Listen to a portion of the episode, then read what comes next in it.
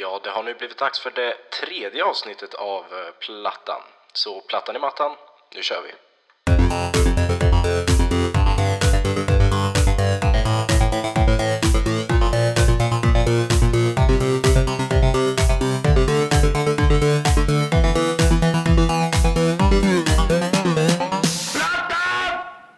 Yes, välkomna till avsnitt tre av Plattan. Eh, idag är tanken att Eh, jag ska behandla IKT i skolan, digitala läromedel och eh, e EU-undervisning på gymnasieskolan. Men jag tänkte börja med det förstnämnda där faktiskt, då vi har haft flera, flera olika introduktioner och genomgångar av vad IKT i skolan faktiskt är och hur det kan användas. Eh, IKT står för informations och kommunikationsteknik om jag har förstått det hela rätt. Eh, och det här är en process som, som många skolor i Sverige håller på att genomgå just nu. Eh, att man rör sig mot en mer digital undervisningsmiljö. Och personligen måste jag nog säga att det här är någonting man får se både, både för och nackdelar med i och med att det också ligger ett generationsskifte eh, framför oss när det gäller just lärare och teknik vi som, ja, i alla fall från min generation som har växt upp med, med, med IT och har datorer och mobiler som eh, ja, till vardags och som en vana nästan eh, kan lätt anse att, eh, att lärare behandlar IKT ganska klumpigt. Och därför är det väldigt viktigt att det finns eh, utbildning och fortbildning inom det här området också. Eh, så Ja, vi har varit på besök i IKT-studion på, på universitetet.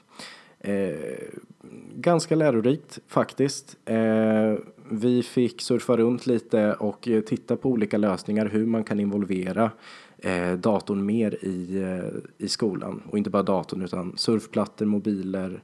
Eh, nu gick vi inte igenom smartboards och liknande lösningar men, men det involverar ju också IKT till viss del. Ja, eh, jag eh, surfade runt lite där och det finns ju väldigt många spännande möjligheter för läraren att använda digitala hjälpmedel i sin lärandeprocess. Och jag tror att det här är en, en väldigt bra nyckel till att nå fram till sina elever också.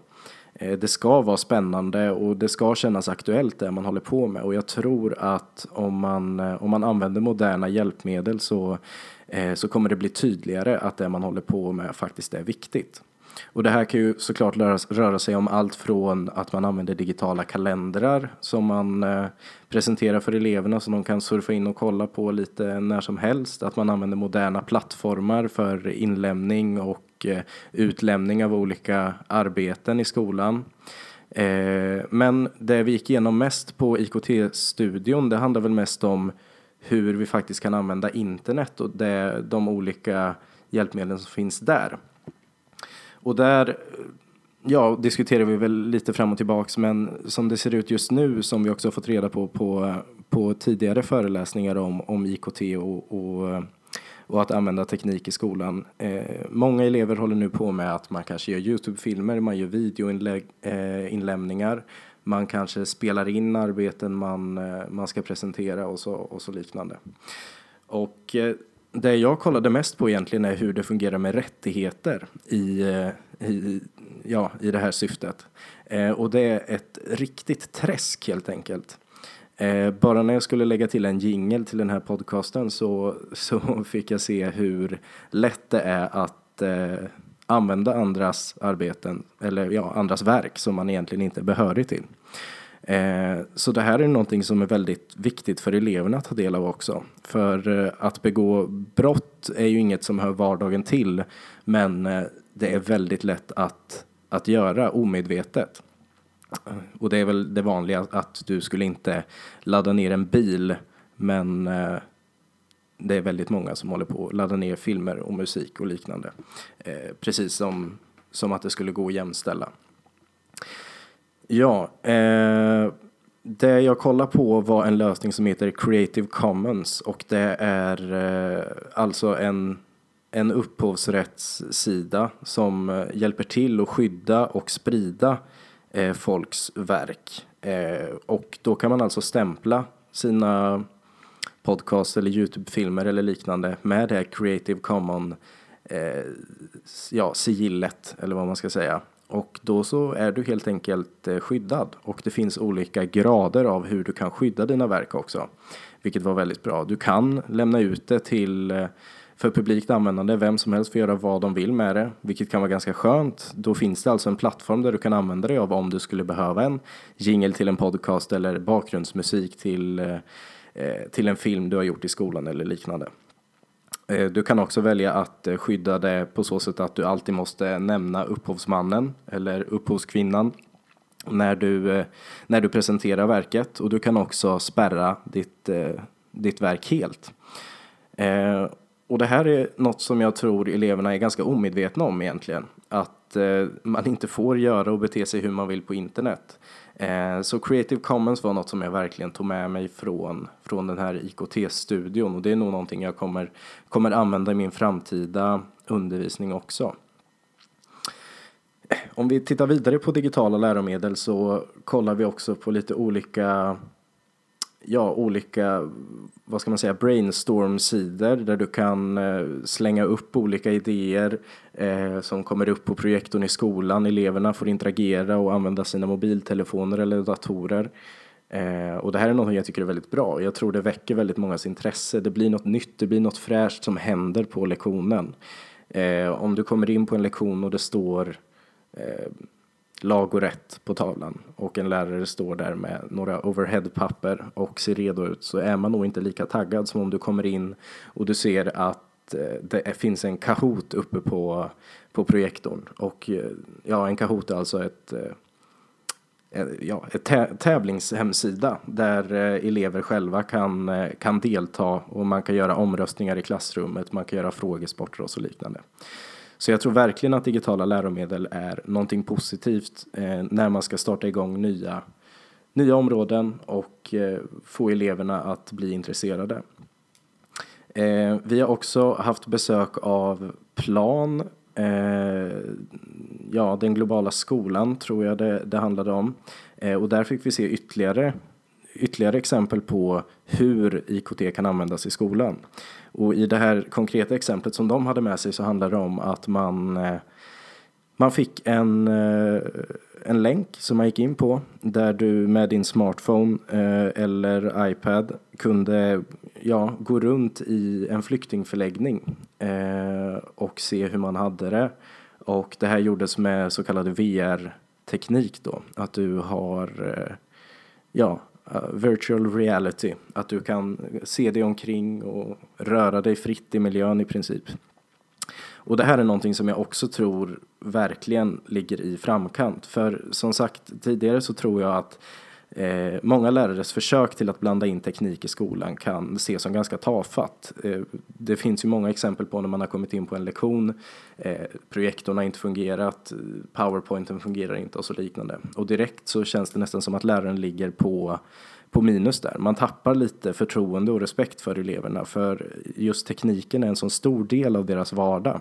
Så det är någonting som man verkligen måste, måste bejaka när man, när man tar sig an det här att det måste funka bra. Annars så kommer eleverna att eh, vara mindre mottagliga för det man har att presentera tror jag. Eh, det här plan i alla fall tror jag verkligen är en jättebra eh, inledning till eh, arbetsområden som mänskliga rättigheter. Eh, eller om man ska se på olika situationer som pågår nu i världen med krig och olika politiska lägen. Eh, så plan är nog något jag också tänker ta med mig och, och använda i min framtida undervisning faktiskt. Eh, Sen så har vi ju det här med VR-tekniken. Det är ju sånt som kan strula och det finns absolut utvecklingspotential där också. Men att det finns en satsning och att det finns ett incitament till att driva det här framåt, det ser jag som mycket positivt och det är någonting som eh, jag verkligen tror kommer vara en del av skolan i, i framtiden. Jag vet för ett tag sedan så såg jag själv på Utbildningsradion eller SVT så hade de eh, en liknande eh, variant när du får vara mobbad i skolan.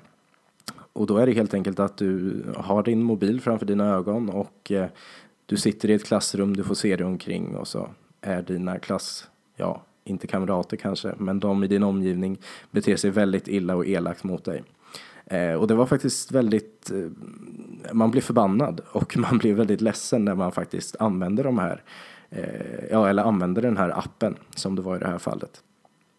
Så eh, jag tror det här är ett väldigt bra sätt att introducera ämnen och att beröra människor på, på ett annat plan som kanske är svårare att göra med bilder, text eller kanske film till och med. Eh, vi har också kollat på lite olika spel som, som man kan använda i undervisningen. Och det här är med något som jag tycker är ganska spännande. Eh, många av de exemplen som vi fick se på, Eh, på den här eh, ja, workshopen kan man ju säga då, när vi gick igenom digitala läromedel och eh, framförallt spel då, så, så, så fick vi se ett väldigt spann på kvalitet, men det mesta var faktiskt positivt. Det fanns ett riktigt ordentligt spel som visade vara ganska dyrt som hette Conflict Palestine, tror jag.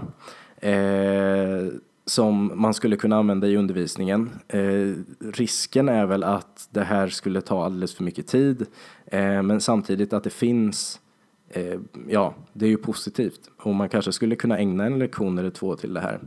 Eh, det viktigaste där är väl att man har tillräckligt med förkunskaper för att förstå vad det är det här spelet vill förmedla. Och det tror jag gäller det mesta. Eh, det fanns även liknande varianter där du får eh, eh, agera flykting, du ska fly från ditt land eller du är nyanländ till ett land och du ska, du ska försöka hitta bostad och jobb och så liknande. Så får man se hur diskriminerande vår värld faktiskt är idag. Och det är någonting som jag tror är väldigt viktigt för elever som kanske lever i en ganska privilegierad och skyddad zon egentligen. Eh, att man får lite perspektiv på saker helt enkelt. Och jag tror de här läromedlen kan vara väldigt hjälpsamma i en sån situation. Vidare så var det vissa som kollade på SO-rummet och liknande och det måste jag ändå säga positivt med spel som ligger online. För jag tror att det finns mycket större chans att eh, man som lärare inte missar utveckling när man använder online Det här är ju ändå, köper du en skiva som du, eh, som du använder i din undervisning så kommer ju den faktiskt inte uppdateras. Använder du online så finns det större chans att det materialet som du faktiskt håller på med är up to date. Och jag tror också det är väldigt viktigt och att de här olika plattformarna använder en så pass god grafisk kommunikation så att inte eleverna anser att det här är någonting gammalt och förlegat. Då finns nog risken att du kanske till och med möts av ett skratt eller liknande när du presenterar de här olika, olika spelen. Eh, det fanns även någonting som vi inte kunde prova men som heter Papers, Please som, eh, som är då ett spel som man kan köpa till datorn där du agerar gränskontrollvakt. Eh, och vi diskuterade den, den goda potentialen i något sånt här att du, du jobbar som gränsvakt och att du eh, får ganska Ja, du, du, får ju ganska många moraliska dilemman när du blir tillsagd från din chef att du ska bara släppa igenom de här människorna, de med den här eh, etniska bakgrunden får du inte släppa in och så vidare. Eh, min idé där var väl att man egentligen skulle använda det här spelet i helklass. Att man kanske som lärare agerar eh, kontroll åt de andra, de andra eleverna eh, och att det är eleverna som bestämmer vad som ska hända och vad som ska göras. Och säg då till exempel att du skulle jobba som gränsvakt mellan Turkiet och eh, Syrien till exempel så, så skulle du få stöta på väldigt många etniska folkgrupper och du skulle kunna relatera det här väldigt väl till den, till den världssituation som pågår idag. Eh, och i det här momentet så skulle du också kunna ta in väldigt mycket undervisning. Eh, till exempel när du, när du får en, eh, en flykting som kommer från ett speciellt land så skulle man få en ganska god möjlighet att gå igenom situationen i det landet. Man skulle kunna berätta om relationerna mellan, eh, ja, säg Turkiet och Syrien till exempel. Man skulle kunna berätta om de politiska krafterna som styr, kanske till och med blanda in olika politiska system i det här och så vidare. Så ja, i, i teorin så tycker jag att det här låter som någonting faktiskt eh, som är väldigt bra. Och det här är någonting jag faktiskt skulle vilja pröva. Och kanske får jag chansen på min, på min VFU här senare under hösten. Eh, så ja, summan av spelen i alla fall är väl att det är väldigt bra. Och att eh, jag tror att det är ett avbrott som är ganska uppfriskande för eleverna. Och att man själv får agera och eh, bli berörd på ett helt annat sätt eh, som man inte har möjlighet till att bli med en powerpoint, bilder, film eller ja, något annat liknande. Så spel, absolut något jag kommer använda i framtiden. Så, för att summera IKT i skolan och eh, digitala läromedel så, så vill jag väl säga att det här är någonting som det finns väldigt mycket utvecklingspotential inom. Men jag tror också att det här är framtiden. Eh, vi måste våga blanda in mer, mer digitala läromedel och mer IKT i vår undervisning. Men jag tror inte att vi får bli rädda för den traditionella tavlan undervisningen. Eh, personligen så upplever jag det ganska, ganska mycket mer interagerande med eleverna att att eh, stå vid en tavla med en whiteboardpenna i handen än att stå och prata framför en powerpoint. Eh, och powerpoint kanske med något som är förlegat. Det kanske är presi som gäller nu, vad vet jag. Eh, ja, så det får väl bli summan helt enkelt. Eh, lagom är bäst och eh, vi rör oss i rätt riktning. Ja, vidare så här så har jag tänkt att prata lite om EU-undervisning i skolan. Och eh, det vi har fått ut mest av i den här kursen är kanske det EU-rollspel som vi har fått ta del av. Eh, där det handlar om att ja, eleverna interagerar tillsammans med varandra och tillsammans med läraren för att skapa någon form av harmoni. Och att, ja, exemplet här är väl att man ska bo tillsammans och man har olika åsikter och eh, ja, idéer som måste genomföras för att man ska acceptera att få bo där. Och som mycket annat så tycker jag att sådana här lite, vad ska man säga, idéer som tar ut svängarna och blandar in elever och låter folk vara delaktiga. Eh, det anser jag som var det bästa i början av en, eh, ett undervisningstillfälle. Jag tror det kommer vara svårt att skala bort själva eh, tavelundervisningen helt. Eh, men jag tror nog att vi rör oss mer och mer åt det hållet. Men personligen så tycker jag nog att lite av den delen bör nog behållas. Men som jag nämnde tidigare så tror jag det är svårt att väcka elevers intresse eh, genom att skriva upp ett ämne på tavlan och det är det första de möts av när de kommer in och ska möta ett nytt ämne i till exempel samhällskunskapen. Så EU-undervisning, det tror jag verkligen är något där man måste få ta till hjälpmedel. Och det är nog något jag själv kommer göra i framtiden också. Så eh, mina tankar rör sig väl framför allt utifrån den här boken att göra tänkande synligt som vi har haft som kurslitteratur i den här kursen av Sten Arevik och Ove Hartzell. Eh, och vi har även behandlat det här på ett litteraturseminarium som vi hade och då så fokuserar vi mycket på praxismodellen. Och det handlar om olika nivåer av tänkande hos eleverna egentligen. Där man först har en konkret upplevelse och när man sedan eh, får de språkliga verktygen för att kunna beskriva den här eh, konkreta upplevelsen och när man sedan rör sig vidare mot ett mer språkligt abstrakt plan där, eh, där du kan bilda dig egna ja, egna scenarion helt enkelt baserat på det du just lärt dig. Och ja, tanken här är väl att du ska få en bredare förståelse och ett bättre språk som gör att det här abstrakta tänkandet kan ta form. Och att även det här abstrakta tänkandet på något sätt är målet med din undervisning också. Eh, vi hade som exempel att man skulle behandla lag och rätt och för att röra sig mellan de här olika nivåerna så rörde vi oss med den konkreta upplevelsen eh, Eh, så rörde vi oss till ett studiebesök på tingsrätten eh, där eleverna får sin konkreta upplevelse.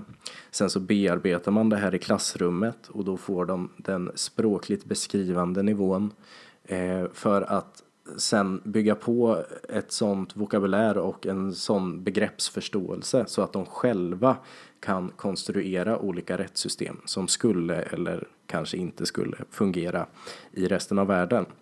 Och under de här stegen så går man såklart, man rör sig från det svenska lokala eh, lagsystemet och så rör man sig vidare ut i Europa och ut i världen för att sen kunna fatta sig en egen uppfattning om vad som faktiskt är bäst och kanske konstruera något eget. Så den här praxismodellen är nog någonting som jag faktiskt skulle vilja ta vidare och använda i EU-undervisningen också. Eh, problemet som jag stöter på med en gång är den konkreta upplevelsen. Eh, som enligt mig då, ja, rent logiskt borde vara det första som eleverna får stöta på. Eh, I exemplet lag och rätt så var vi hos tingsrätten och det blir nog väldigt svårt att, att göra ett studiebesök på EU-parlamentet med en gymnasieklass. Eh, men samtidigt såklart, om det skulle gå att få till vore det helt fantastiskt. Däremot så har vi många engagerade eh, som vet vad EU är och vet vad EU går ut på som kan återfinnas lokalt. Eh, och eh, ja, mest troligtvis så kommer även det här bli svårt på lokal nivå. Och då kanske vi får blanda in lite EKT här igen för att, eh, för att eleverna ska få den här konkreta upplevelsen. Och som jag pratade om i tidigare avsnitt, närmare bestämt avsnitt två, så tycker jag att det är väldigt bra när folk som verkligen brinner för och tror på något får berätta. Så därför har jag kollat runt lite vad det finns för olika lösningar eh, gällande just EU. Och Utbildningsradion som många känner till, de tillhandahåller väldigt mycket bra skolmaterial och framförallt där kring EU. Eh, man kan gå igenom väldigt många olika avsnitt där, där, eh, där man mer konkret får reda på vad EU är. Men det finns även vissa EU-engagerade lärare som, eh, som är samhällslärare. Som, eh, ja, ett exempel här eh, så har vi Mattias Nylander som undervisar i samhällskunskap, historia och internationella relationer samt Europakunskap på en skola i Vellinge. Han är också EUs ambassadör, eller skolans EU-ambassadör och ja, han har valt att Eh, ta initiativet att göra den här, eh, skapa skolans EU-profil. Eh, ja, att påstå att han brinner för sitt ämne är ingen överdrift, står det i beskrivningen här på URs hemsida. Eh, ett sånt här klipp tror jag verkligen är någonting som, som skulle intressera eleverna och och eh, få dem att lite mer greppa vad EU faktiskt går ut på innan man dyker in i den begreppsliga världen. Förhoppningsvis så kommer de också bli presenterade för olika begrepp i den här filmen eh, som, som de redan efteråt kan ställa frågor om och få förklarade för sig. Eh, så ja, det skulle nog vara min introduktion om den konkreta upplevelsen samtidigt som man då försöker blanda in eh, vilka beslut som påverkar oss individer här. Och ja, för att ta ett lokalt exempel, kanske här i Linköping. Vad ser vi omkring oss som EU faktiskt påverkar? Är det någon som känner en bonde eller vars föräldrar kanske arbetar som, som bönder eh, så kan man ju gå in på det ganska direkt och se vilka EU-stöd det finns för det.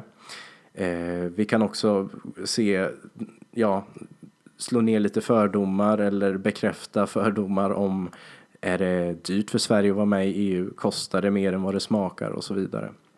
Och det här handlar ju såklart också om väldigt mycket ideologi. Eh, så förslagsvis kanske man redan har gått igenom det eller att man kommer göra det strax härefter. Eh, så den konkreta nivån upplevs av eleven genom film eh, samtidigt som man tar upp olika lokala företeelser där EU är med och påverkar och självklart förklarar vad EU är. Och det är där jag kommer in på lite ämnesöverskridande undervisning. Eh, jag personligen utbildar mig till lärare i historia och samhällskunskap och jag tror det här skulle vara ett perfekt tillfälle att eh, gå igenom lite efterkrigstid samtidigt i historien. Eh, för här så växer EU fram och vi får se vad tanken var från början och vi kan också se utvecklingen till vad det faktiskt kommer att bli för någonting.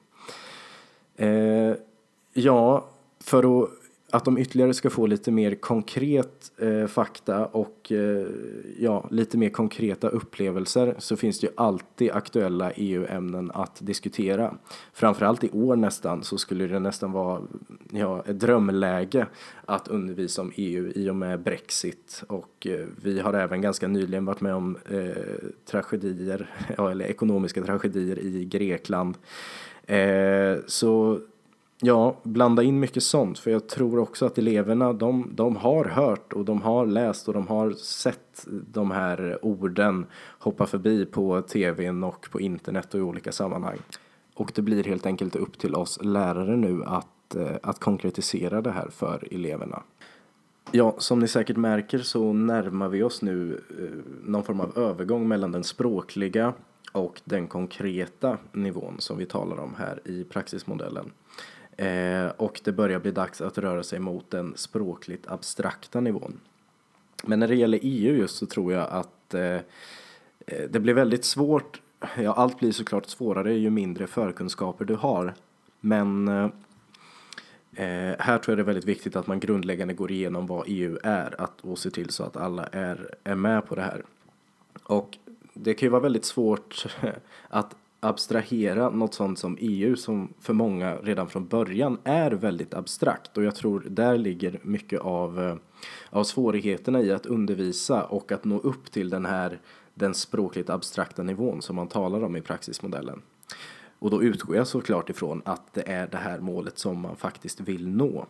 Eh, för jag personligen blev väldigt, väldigt förtjust i den här praxismodellen när vi läste om den. Eh, och jag tror att det här är något som jag faktiskt kommer använda väldigt mycket i min undervisning. Eh, så det är därför jag utgår från den modellen och jag tror att i det här fallet just med EU och med många andra fall också så kommer en vanlig, ja, vad ska man säga, kunskapskravsorienterad undervisning att Eh, försvåra väldigt mycket för eleverna. Och det kommer bli väldigt mycket ytinlärning och det kommer bli ja, väldigt mycket som faller till grönska senare. Eh, min idé från att röra sig från den språkligt beskrivande nivån upp till den abstrakta eh, den liknar lite en lösning som, eh, som jag och några kurskamrater gjorde i ett exempel gällande lag och rätt.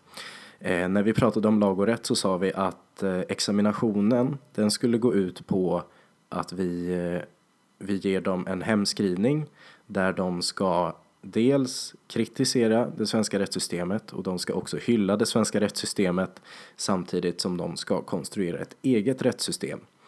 Eh, och det är då när de konstruerar det här egna rättssystemet framför allt som eh, den språkligt abstrakta nivån ska, ska framstå. Likaså i EU så har jag tänkt mig att man kan röra sig mellan den språkligt beskrivande nivån till den språkligt abstrakta nivån med hjälp av eh, de förkunskaperna man har samt att man har gått igenom det här på historielektionen också så man vet vad det finns för historisk bakgrund till EU också. Eh, och sen försöka skapa, eh, skapa en egen union och hur den här skulle utformas och hur den ser ut. Eh, och sen skulle då, ja, det slutliga vara att man jämför sin egen union med EU och eh, påvisar likheter och skillnader. Och där tror jag att man har nått upp till den språkligt abstrakta nivån ganska bra och eh, jag tror att man tvingar folk att tänka abstrakt på ett annat sätt som, eh, som vanliga, ja, teoretiskt prövande eh, kunskapsfrågor inte gör. Så det blir helt enkelt en ganska stor skillnad i hur provet är utformat och hur undervisningen bedrivs. Eh, vi flyttar fokus från kunskapskrav, även fast de såklart fortfarande måste vara med i bilden. Eh, men vi flyttar lite fokus från dem och vi fokuserar på elevernas tänkande och deras tankeutveckling och deras begreppsförståelse. Eh, för det är begreppsförståelsen som ligger till grund för att de ska kunna konkretisera den konkreta upplevelsen och förstå så pass mycket så att de kan språkligt beskriva det de upplever för att sedan använda de nya begreppen i den abstrakta nivån. Och eh, ja, det är väl mina tankar om EU-undervisning som det ser ut just nu.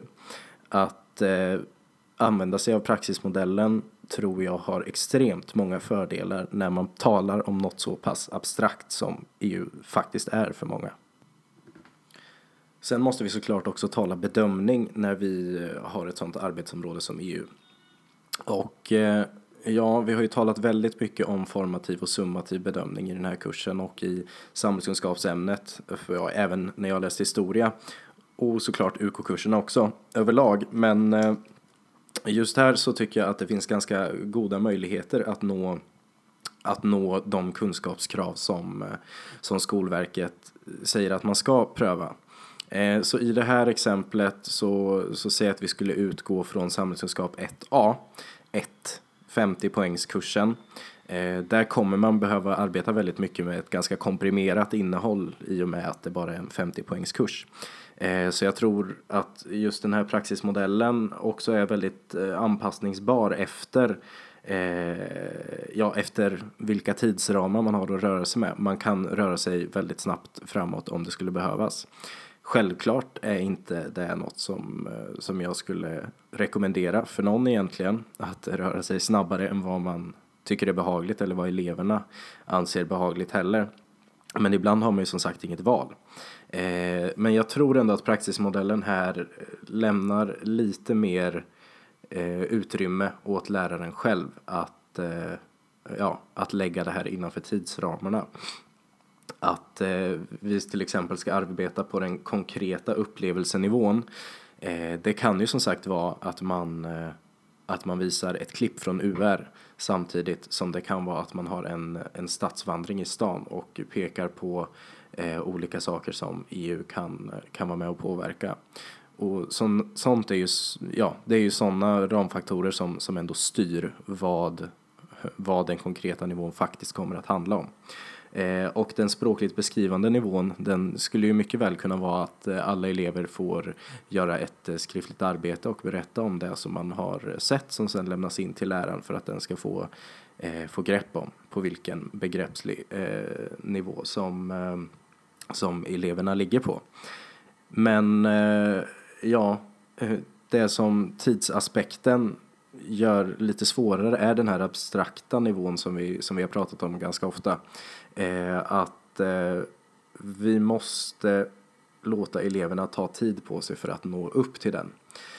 Så därför så blir det här samarbetet mellan olika ämnen ännu viktigare eftersom att den här språkligt abstrakta nivån Visst, du kommer få dina begrepp och din begreppsförståelse i ditt ämne men eh, om alla ämnen ut, utgår från samma modell i sin undervisning så kommer språket vara väldigt välutvecklat och man kommer hjälpa varandra på ett helt annat sätt än vad man gör med den här eh, ja, tidigare rent kunskapsinriktade inlärningen som är väldigt eh, ämnesfokuserad. Eller ja, kunskapsinriktat, det är såklart att allt är. Men nu när vi talar om, om just den här praxismodellen så så om du har jobbat från samma förutsättningar i svenskan och i geografin så kommer du ha extremt stor nytta av det också i, i samhällskunskapsämnet. Eh, så tid kan absolut sätta käppar i hjulet men så är det nog med all form av undervisning.